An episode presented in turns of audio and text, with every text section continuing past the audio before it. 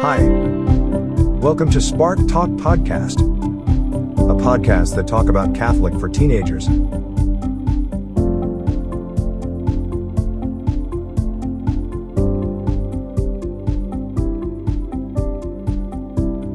Halo semuanya, kembali lagi di hashtag Spark Talk, episode keempat, bersama gue, Elba Krison.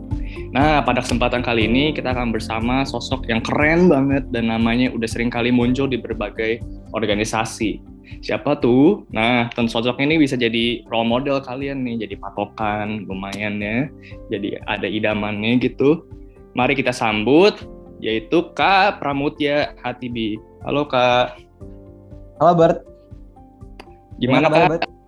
Baik, baik. sehat sehat sehat. sehat. Lu gimana Bert? Sehat juga Bert? Oke, sehat juga dong Kak, puji Tuhan. Udah divaksin juga, aman.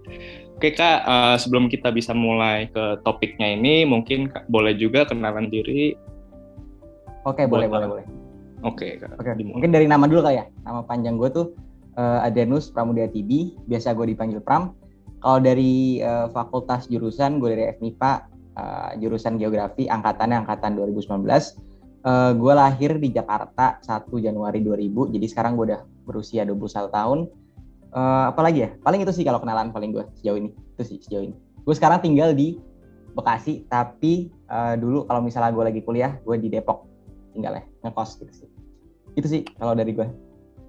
Wow Kak, saya juga sebenarnya pu- juga bis punya nih kos di Depok, cuma belum bisa tinggalin aja nih menunggu Oh iya, situasi menenang diri. Tapi ya sudah lah. Tapi untuk selanjutnya mungkin saya bakal tanya nih, eh, Kak Pram nih di udah ikut organisasi apa aja nih selama kuliah? Selama kuliah ya, berarti berarti. Eh, selama Ya. kuliah, mungkin dari kepanitiaan dulu lah ya, dari awal-awal kepanitiaan dulu kan biasa orang ya, baru habis itu masuk Boleh, ke organisasi boleh. gitu ya, buat nyari pengalaman gitu ya. Kalau dari kepanitiaan, gue awalnya itu, singet gue ya, singet gue awalnya itu gue ikut kepanitiaan silakbar di geografi, singet gue paling pertama tuh. Jadi di jurusan gue ada namanya silaturahmi akbar, di geografi itu ada namanya silaturahmi akbar geografi. Itu kayak semacam acara yang ngundang eh, alumni gitu loh, alumni dan teman-teman mahasiswa angkatan atas dan angkatan bawah gitu. Dan eh, itu acara panitiaan gue pertama. Di situ gue dipilih jadi PJ Keamanan. Itu nggak terlalu lama sih, dan itu juga acara kecil lah. Jadi paling nggak ceritanya nggak banyak. Itu gue pertama kali belajar kepanitiaan di kampus di situ. Terus mungkin kedua, jujur gue agak lupa-lupa ya buat kepanitiaan. ya. Tapi singkat gue yang kedua itu gue ikut eh apa ya? MIPA Towards We Art. Jadi gue diajak waktu itu gue lagi nongkrong sama teman-teman di Payung di eh, di FMIPA ya di Dallas, kantin FMIPA. Itu eh gue tiba-tiba diajak ngobrol soal We Art War habis itu diajakin lu tertarik soal ikut ini gitu. Apa We Art War ini jadi apa? Pengurus kontingen MIPA. Gue tertarik habis itu gue join. Pas gue joinnya gue jadi volunteer. Di situ gue juga lu- lumayan nemu banyak hal baru gitu. Gue lumayan nemu banyak hal baru dan lumayan nambah koneksi juga karena kan pertama kalinya tuh gue ketemu sama anak-anak non geo gitu, maksudnya anak-anak MIPA gitu kan, in general itu anak-anak yang dari jurusan-jurusan lain itu gue kenal di situ pertama kali. Nah abis itu gue juga pernah ikut, singet gue tuh kalau kepanitiaan lagi tuh, apa ini MIPA, gue lupa dah, sorry Mi Proud itu yang ketiga tuh kepanitiaan tiga gue. Gue ikut Mi Proud itu gue belajar itu sih buat eh, ngobrol sama teman-teman yang di luar jurusan geo, maksudnya eh, buat kenal sama mereka juga gitu. Gue belajar eh, ny- cara nyari koneksi gitu. Di situ tuh gue belajar sih maksudnya karena itu juga cara MIPA juga kan. Biasanya gue lebih banyak di geo gitu karena awal-awal dari PSAD emang lebih ser- punya banyak teman di geo gitu dibanding di luar jurusan. Nah terus eh, ya jadi gitu gue paling gara-gara gue aktif di MIPA udah belak- eh, apa akhir-akhir semester 1 gue tuh lebih aktifnya di MIPA. Jadi gue mikir sih apa apa gue mau coba buat lanjut di BMIPA aja gitu. Maksudnya kebetulan gue juga punya kenalan ya beberapa teman-teman di MIPA gitu gara-gara dari kepanitiaan-kepanitiaan sebelumnya. Jadi gue pengen aja kayak nyoba lagi apa nah buat lebih aktif lagi di MIPA gitu. Karena gue juga pengen coba nyari koneksi juga gitu. Gue nggak pengen ke UI karena gue takutnya kalau UI itu terlalu jauh, terlalu berat buat gue gitu. Tapi gue pengen coba yang kayak yaudah sing, eh, tingkat yang fakultas aja yang menurut gue bisa gue apa masih bisa nyesuaiin sama akademis gue gitu. Jadi kalau gue organisasi, gue pertama kali coba tuh BEM, gitu. BEM FIPA UI gitu.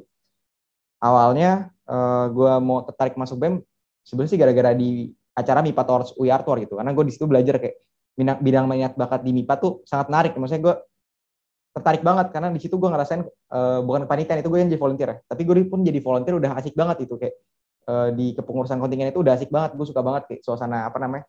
Suasana suasana pengurusan kontingen, suasana kepanitiaan ya mungkin ya.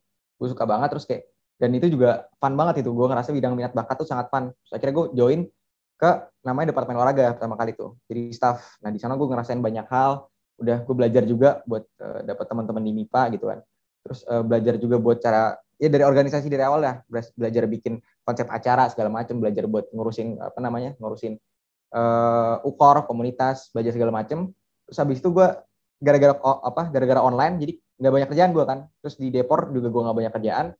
Gara-gara itu gue memutuskan untuk masuk ke uh, gue nyoba-nyoba kepanitiaan di tingkat departemen. Karena kebetulan waktu itu seinget gue tuh ada ada yang lagi open tender gitu sekitar bulan Maret. Karena kebetulan gue lagi gabut banget ya di Depor gue gak ada apa-apa gue mau nyoba tuh uh, kepanitiaan di tingkat departemen pengen nyoba jadi PO karena gue belum pernah kan sebelumnya jadi ketua pelaksana gara-gara itu akhirnya gue uh, bulan Maret itu nyoba open tender jadi project officer gue nyoba open tender eh taunya bisa gue masuk jadi apa keterima jadi PO nah itu gue pertama kali belajar cara buat nge-organize kepanitiaan gitu. Gue belajar buat cara uh, apa namanya meminta orang melakukan sesuatu tapi dengan cara yang benar gitu. Itu gue yang gue pelajari banget gitu. Karena kan selama ini kan nyuruh ya, tapi sebelum nyuruh tuh salah gitu. Gue, pikir-pikir. Akhirnya gue belajar caranya gitu pada saat gue jadi PO kayak gimana cara yang sopan, gimana cara yang bikin orang nggak merasa disuruh gitu. Belajar itu banget.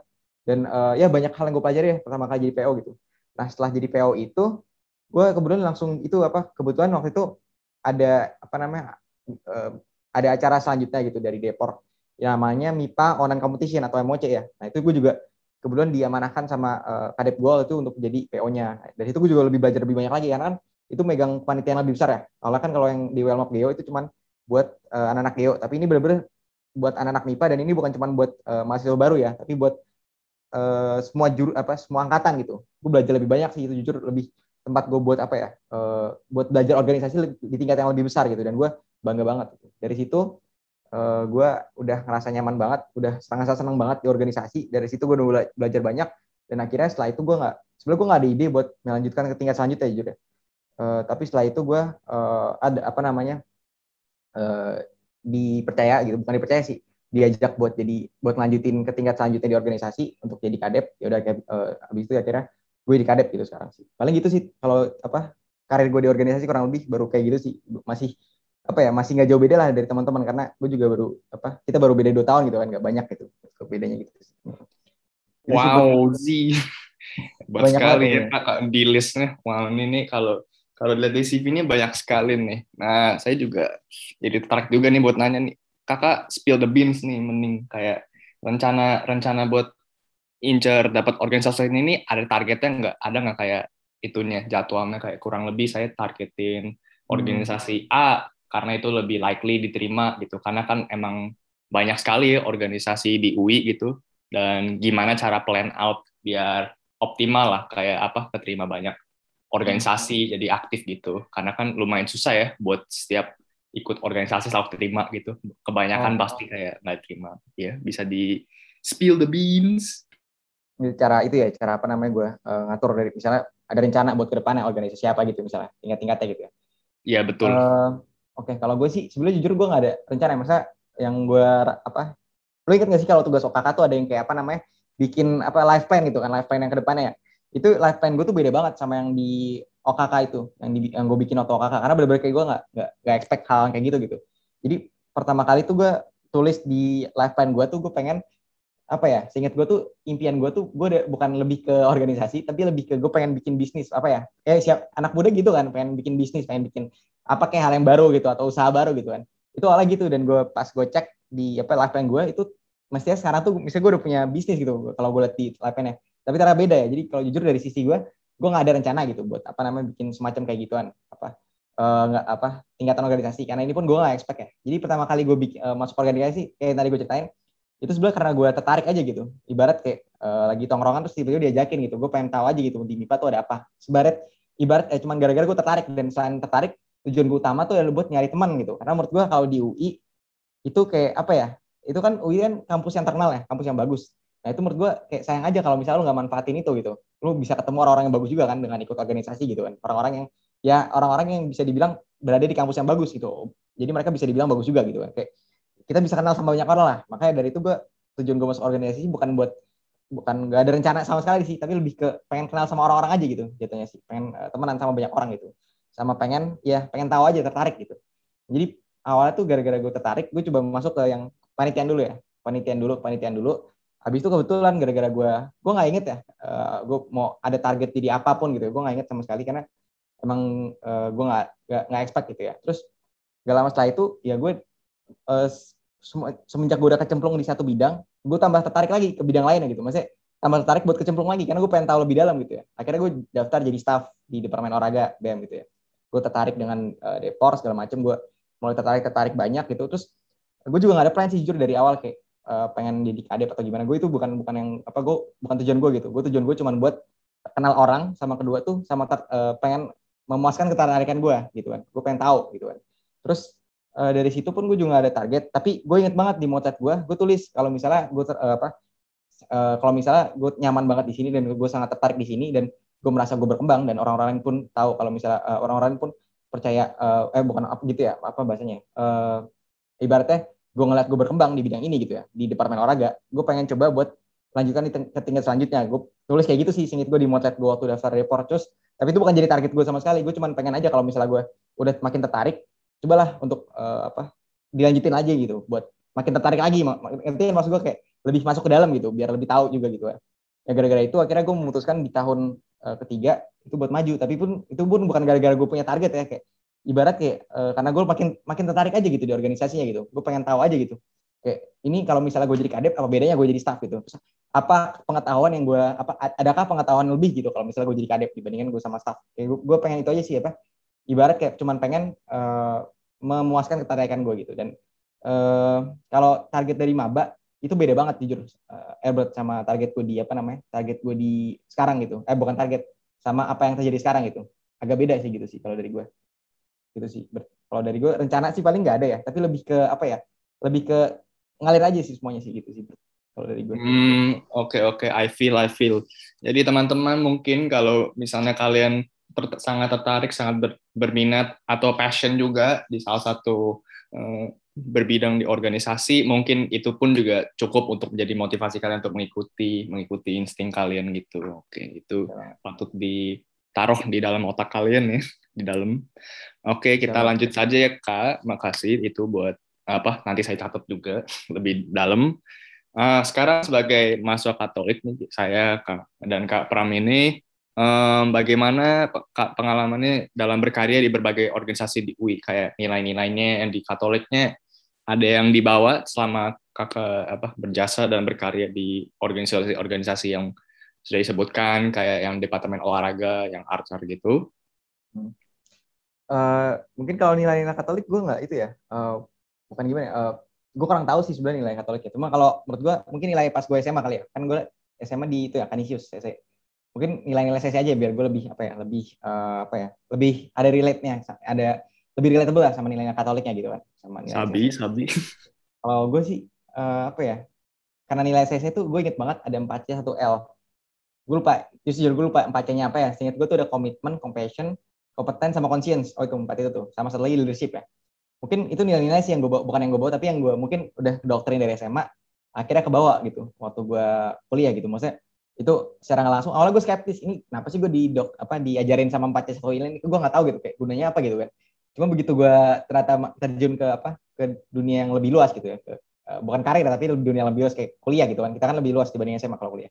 Nah itu gue ngerasain kayak uh, ternyata kepake juga gitu membaca satu hal. Itu kayak hal-hal yang nge, secara nggak langsung itu mengaruhi gue gitu jadi kalau yang gue pelajari ada competence, conscience, compassion, sama komitmen. Kalau kom itu komitmen ngaruh banget di organisasi. Kalau lo lagi dia mau yang bikin lo bertahan di organisasi adalah komitmen. Itu ngaruh banget. Dan saya itu misalnya, apalagi ya, compassion ya. Compassion itu kayak kepedulian sama orang-orang itu cara lo buat apa ya bisa nge, apa ya ngedeketin orang di organisasi bisa ngemimpin itu harus punya compassion gitu harus lo harus punya perhatian juga sama orang lain harus pengertian juga gitu jadi seorang pemimpin gue ya jadi seorang pemimpin harus pengertian karena orang-orang bakal ngikutin lo kalau pengertian gitu. Ibarat gitu loh. Sehingga dulu jangan jadi pemimpin yang kayak apa ya nggak nggak peduli sama orang menurut gue tapi lo harus punya apa ya perhatian lah pengertian sama mereka. Jadi punya compassion juga gitu sama orang lain. Terus mungkin apa ya uh, komitmen compassion tadi conscience. Conscience juga ya itu hati nurani. Itu juga termasuk cara buat pada saat lo menentukan keputusan itu pasti yang pakai conscience itu hati nurani gitu yang lo bakal jadi penentu apa namanya penentu keputusan lo gitu.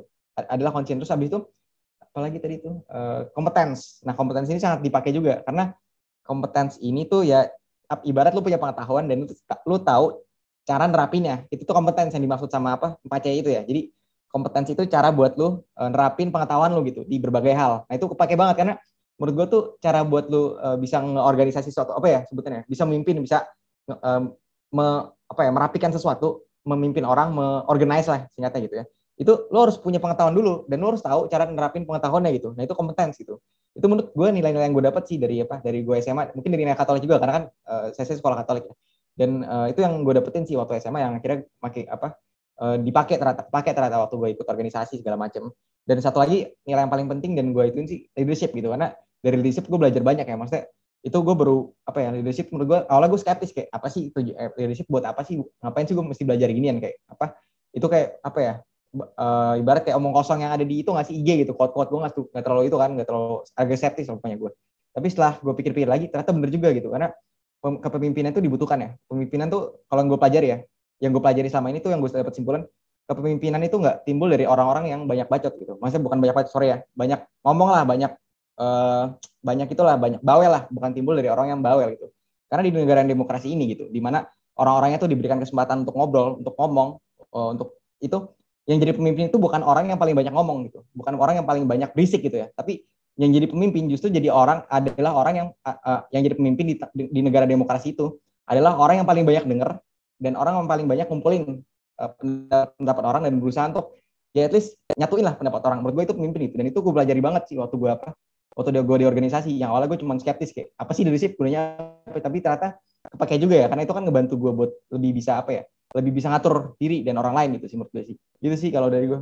Bawel banget kayaknya gue ya berarti gitu sih buat oh tidak apa-apa kak tidak apa-apa nah ini ini lumayan insight dari kakak mengenai nilai Katolik dan kita dapat bocoran juga doktrin yang sudah diajarkan di Canisius karena saya tidak apa uh, saya di IPK dan saya tidak mendapatkan doktrin-doktrin itu. Tapi sangat menarik ya konsep 4C1L ini. Sebelum kita lanjut lagi ke soal yang lebih ribet mungkin kita bisa santai-santai sedikit untuk para teman-teman juga mungkin kita bisa lebih mengenal Kak Parmen sendiri di luar uh, jasanya di bidang organisasi, kita akan melakukan FM atau Fun in the Middle. Ini kalau saya ulangi lagi, ini adalah pertanyaan singkat dan bisa dijawabnya kalau bisa secepatnya di bawah lima detiknya. Dan habis itu ya kakak juga boleh apa kalau penasaran juga boleh tanya balik ke saya juga. Dan um, kita mulai aja. Uh, yang pertama apa fun fact yang jarang orang tahu mengenai kakak. Oke, oke. Fun fact ya. Fun fact yang jarang orang tahu. Uh, apa ya? Kalau orang lain kan tim bubur diaduk atau enggak ya? Kalau gue apa ya? Kalau gue nggak kayak gitu sih. Gue fun fact gue mungkin ini. Uh, gue tinggal di, gue lahir di Depok. Gue besar di Bekasi. Sekolah tapi di Jakarta. Terus kuliah sempat di Bali setahun. Terus pindah ke Depok. Itu mungkin fun fact-nya gitu. Gue pindah-pindah selama kehidupan gue gitu. Kayak. Itu sih kalau yang itu yang fun fact gue sama mungkin apa ya? Fun fact gue oh gue ini uh, ada keturunan Belandanya gitu. Ada keturunan Belandanya. Paling itu sih fun fact yang orang jarang tahu sih tentang gue sih. Itu ber oke oke. Boleh. Kalau fun fact dari saya ini um, apa ya? Saya saya saya jarang pakai IG saya tidak punya Twitter dan uh, saya sudah tidak pakai Facebook itu doang kali fun fact-nya. Mungkin orang kayak tanya sosmednya banyak tidak. Uh, selanjutnya makanan favoritnya apa kak? Makanan favorit gue uh, apa ya? Gue makan favoritnya ini nih uh, pecel pecel ayam ditambahin sama kol tapi digoreng kolnya. Kol digoreng bukan kol yang basah oh. tapi kol yang digoreng. Gue suka banget tuh. Itu sama sama sambal pete gue suka banget tuh. Tiga favorit gitu makanan ya? favorit gue sih. Iya renyah banget asli bet enak banget. Kalau apa hmm. Uh, saya lebih sukanya itu sih paling kayak jelly gitu makanan kayak apa yang kayak hokben tuh kori konyaku itu enak gitu. yang kenyal-kenyal Selanjutnya hobi yang susah dilakukan semenjak pandemi ada? Naik gunung, udah pasti itu. Gue suka buat naik gunung waktu gue uh, SMA. Tapi pas udah, udah kuliah dan udah pandemi ini udah gak pernah sama sekali naik gunung. Terakhir tuh gue udah dua tahun lalu naik gunung. Belum ada rencana lagi gara-gara online kan. Gitu sih kalau naik gunung. Uh, kalau untuk saya hobi yang susah tuh saya uh, main catur gitu. Rank saya masih 700 tapi ya lumayan. Saya cukup lumayan lah harus main caturnya. Ya, Cukup cukup boleh. Kapan-kapan scaring. Um, ada genre musik favoritnya? Kalau genre musik, jujur gue nggak tahu apa ya, nggak tahu genrenya sih jujur. Tapi gue lebih suka sama uh, apa ya lebih suka bandnya gitu. Kalau gue band yang gue favorit tuh Naif. Cuma gue nggak tahu genre Naif apa. ya. Pop kali ya. Pop pop pop apa ya? Mungkin pop kali ya. Eh, yang gue Ya, itu suka pop. tuh genre. Iya, gue suka Ah. sama Naif sih kalau gue. Kalau apa tuh? Saya paling sukanya kayak em, hip hop gitu atau rap lah. Itu saya, Oh, saya cukup ya kurang lebih mirip pop cuman ada ada itunya lah, ada unsur bisa eh, berkata-kata lah kepada musuhnya kalau di hip hop jadi agak agak seru dikit interaktif.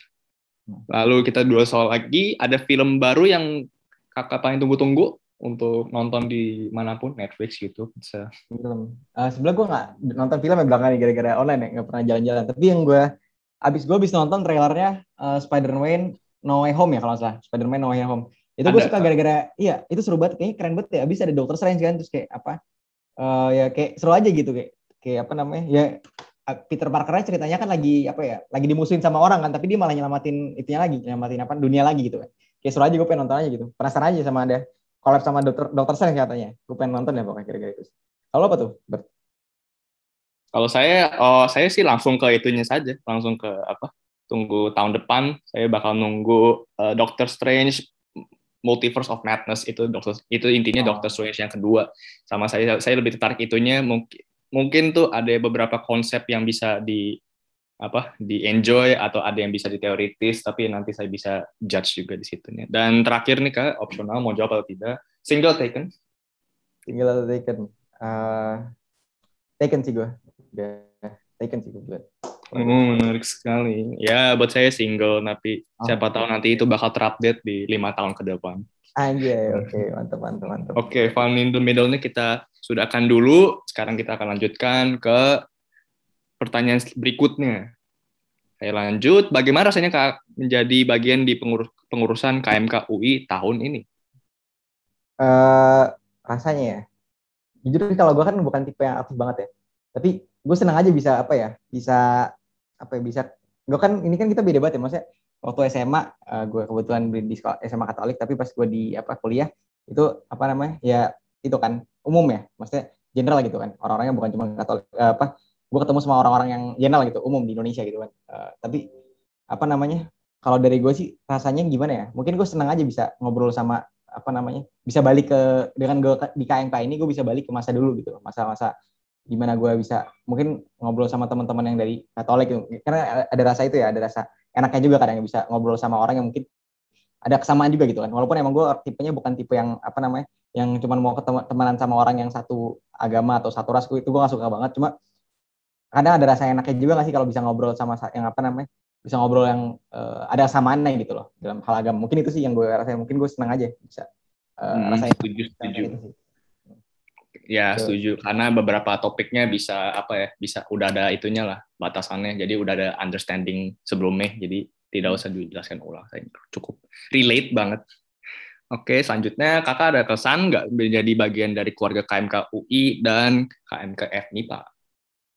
Eh, sama kayak tadi sih jujur. Gue bukan tipe yang apa namanya bukan tipe yang aktif. Terus gue bukan tipe orang yang apa namanya nggak nggak pengen ngobrol sama yang cuma cuman pengen ngobrol sama agama. Gue bukan kayak gitu kok. Masa malah pas gue di UI itu temen gue banyak kan yang apa yang bukan Katolik dibanding Katolik ya. Asli teman dekat gue aja kayaknya nggak ada yang Katolik gitu. Cuma eh, apa namanya bagian gue ya eh, kesan gue tuh sama. Gue bisa balik lagi gitu ke masa SMA mungkin ya. Karena kan gimana pun juga obrolan waktu kita SMA kan mirip-mirip sama obrolan KMK kalau gue sih ya kalau karena gue SMA Katolik gitu. Jadi gue bisa yang ngerasain itu lagi ada rasa senangnya juga bisa ngobrol-ngobrol kayak gitu. Terus kayak yang gue rasain kalau di KMK UI gitu ya gue bisa ngobrol sama teman-teman UI gitu. Kan kan gue nggak ada teman-teman UI maksudnya teman-teman UI itu maksudnya teman-teman fakultas lain ya selain MIPA gitu. Gue bisa ngobrol sama teman-teman fakultas lain gitu. Terus kalau di FMIPA gue juga senang juga karena balik lagi ke, ke tadi apa bisa ngobrol sama teman-teman yang mungkin ada kesamaan obrolan lah gitu. Bukan bukan berarti gue apa cuman demen sama satu agama gitu. Tapi kayak gue bisa ngobrol sama teman-teman yang punya kesamaan obrolan kadang ada rasa enaknya juga kan bisa balik ke masa lalu gitu gitu sih kalau dari gue mungkin ke sana gitu sih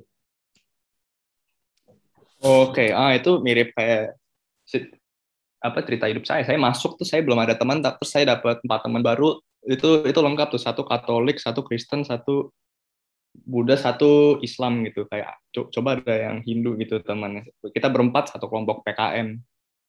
Terus kita apa ya? Kita nama kelompoknya Greek gitu. Karena huruf depan kita semua di eja dapat Greek. Lucu itu. oh.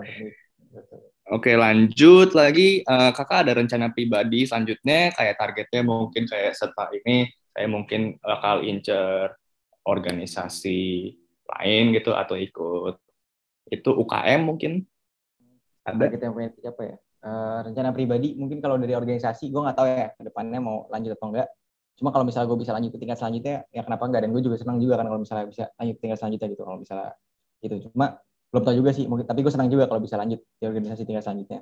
Tapi kalau uh, apa namanya rencana pribadi mungkin yang lebih ke akademis apa bukan lebih karir ya. Kalau karir gue pengen banget S2 itu gue pengen banget kayak gue nggak nggak tahu apa namanya uh, nanti bakal sistemnya gimana S2 cuma gue pengen banget coba S2 antara di manajemen atau di uh, eh, PWK gitu. Gue pengen banget coba S2 tapi gue nggak tahu juga di luar negeri atau di Indonesia itu tergantung ya finansial segala macam lah gitu. Gue nggak tahu gimana pun tapi gue mau usahain juga beasiswa gitu kalau bisa ya. Cuma yang utama gue mungkin pengen S2 sih sudah gue keluar dari apa UI itu itu sih kalau dari gue sih mungkin Oke oke cukup keren ya nanti saya juga mungkin bakal mikir-mikir juga buat target sama rencana pribadi saya selanjutnya buat tahun depannya juga.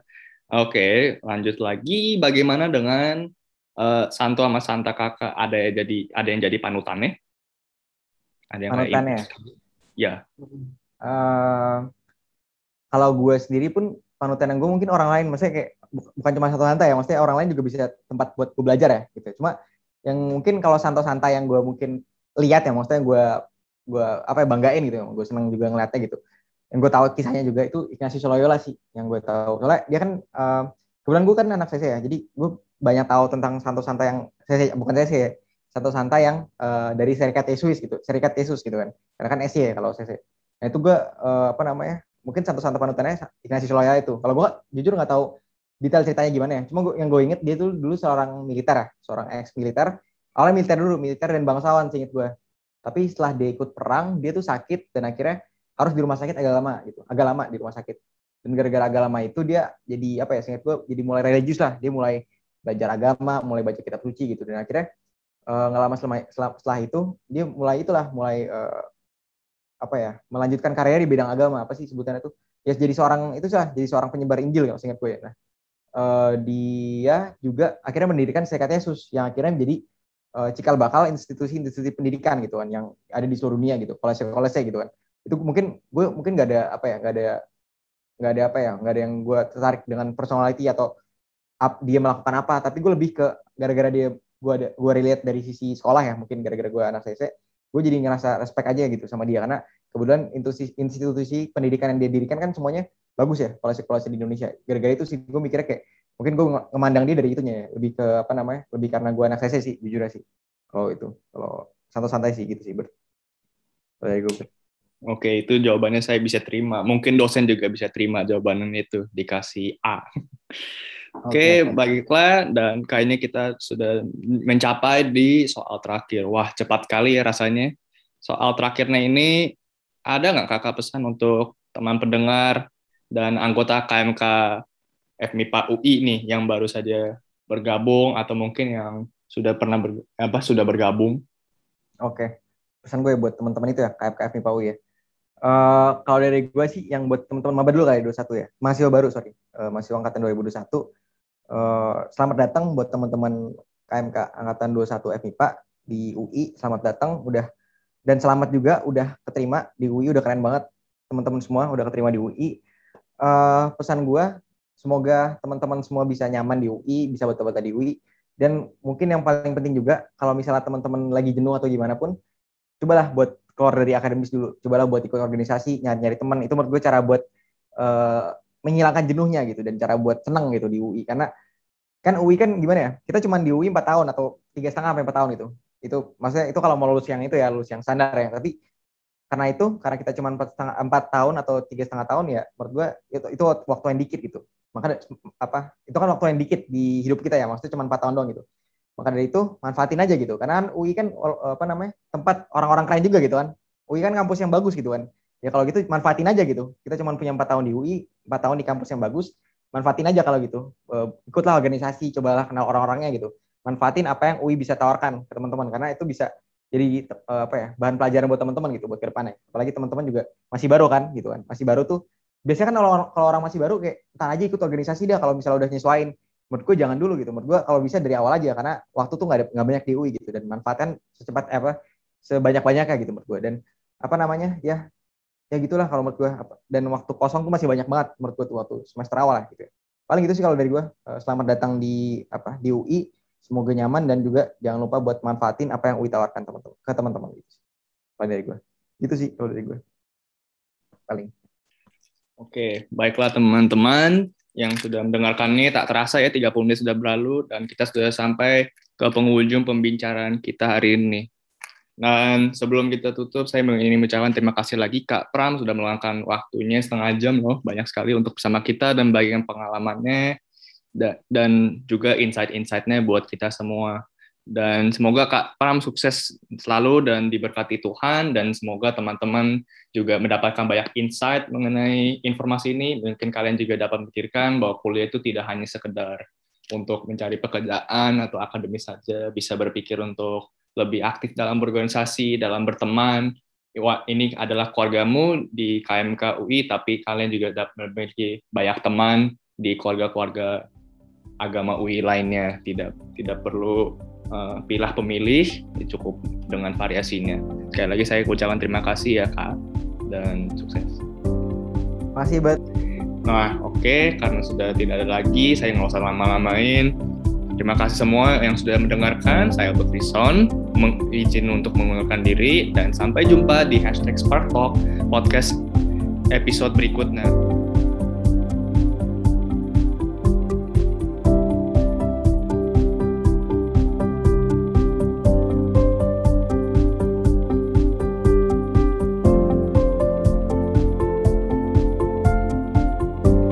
Thank you for listening Spark Talk podcast. Stay tuned for the next episode. And have a nice day.